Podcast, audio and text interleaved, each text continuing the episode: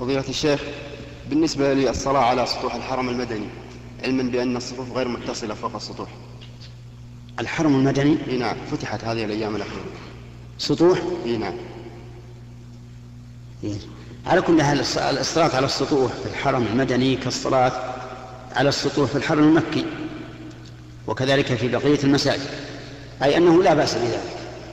وأما اتصال الصفوف فالذي ينبغي الإنسان إذا جاء أن يبدأ أولا بالمكان الذي فيه الإمام.